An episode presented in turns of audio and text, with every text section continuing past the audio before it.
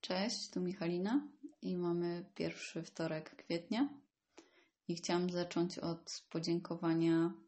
po zeszłym odcinku moim znajomym internetowym i rodzinie, którzy mi wysyłali życzenia,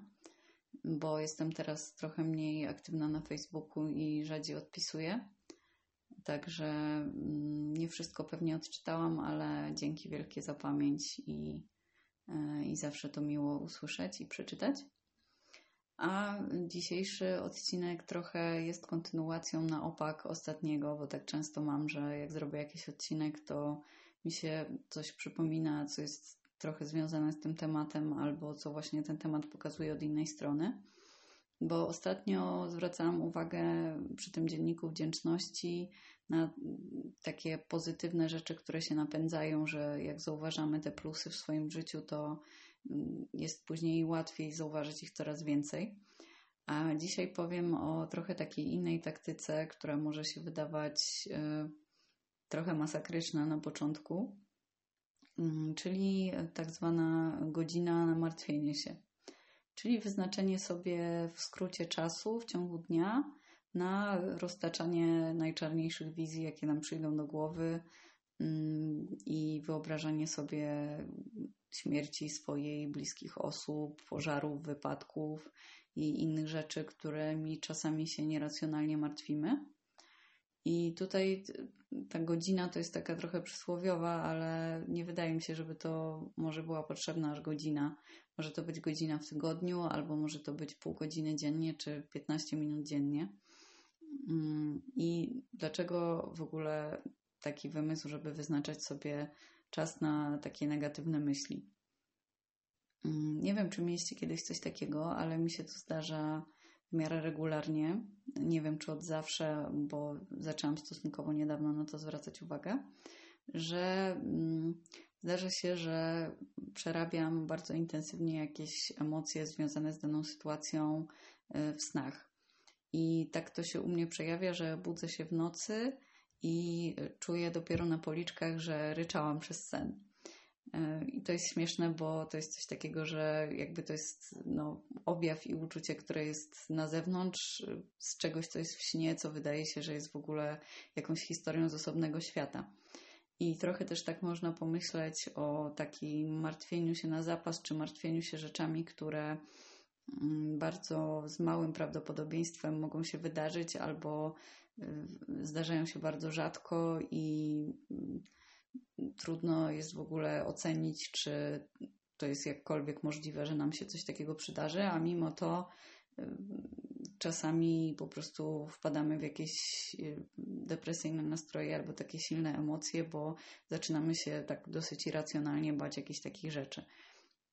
Więc tutaj ten przykład ze snem wydaje mi się dobry, że to jest taki trochę inny świat, który sobie wyobrażamy i dziwimy się,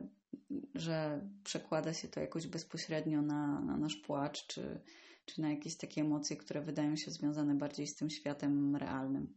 E, więc dzięki takiemu śnieniu i przeżywaniu takich sytuacji, które w śnie z reguły no, prawie zawsze u mnie nie są do, takie realistyczne, że faktycznie się to przełoży jeden do jeden, gdyby się to stało naprawdę,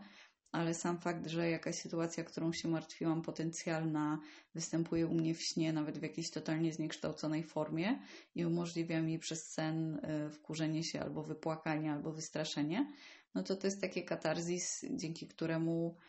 mogę przeżyć sytuację, która na żywo się raczej nie wydarzy. Czyli załatwiam sobie te lęki, których bym nie załatwiła na żywo, no bo po prostu nie byłabym w stanie się skonfrontować z tą sytuacją. I tak trochę traktuję taki czas wyznaczony sobie na mm, martwienie się, że to jest samo, może być samym oswajaniem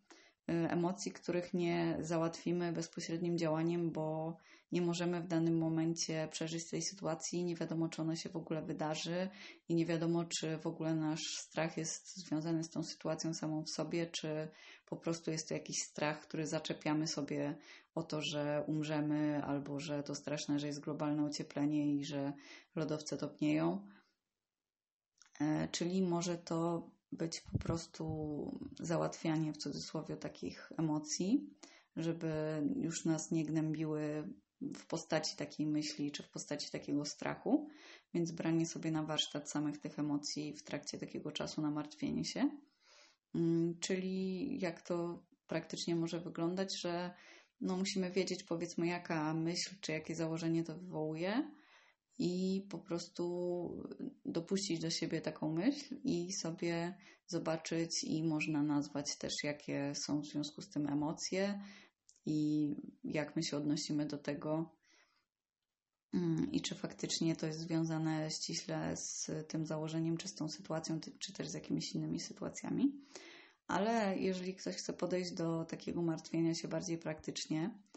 to można też się pobawić y, w dalsze pisanie czarnych scenariuszy i w szukanie rozwiązań.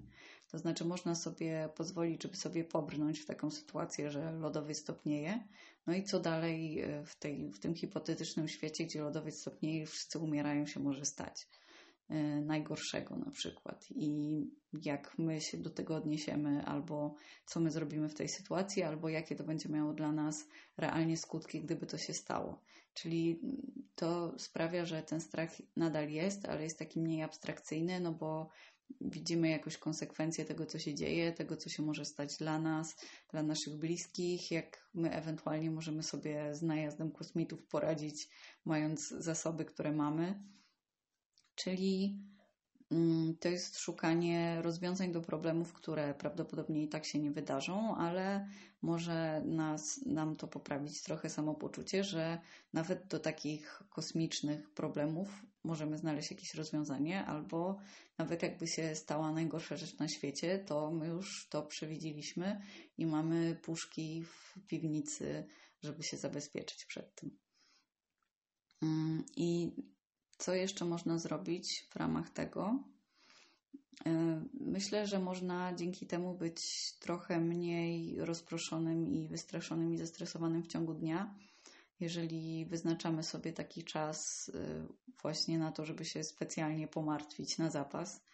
I nie jest tak, że jak się zaczynamy martwić w ciągu dnia, to sobie myślimy, o nie, znowu się martwię, nie mogę się martwić, w ogóle straszna myśl, wszyscy umrzemy, uciekajmy i nie chcę o tym myśleć. Tylko nie myślę sobie, nie chcę o tym myśleć, tylko mogę sobie nawet zapisać na kartce, wszyscy umrzemy, nakleić sobie to na lodówce. I jak mam wyznaczony ten kwadrans na martwienie się, to sobie odklejam od lodówki karteczkę, wszyscy umrzemy, przez 15 minut kontempluję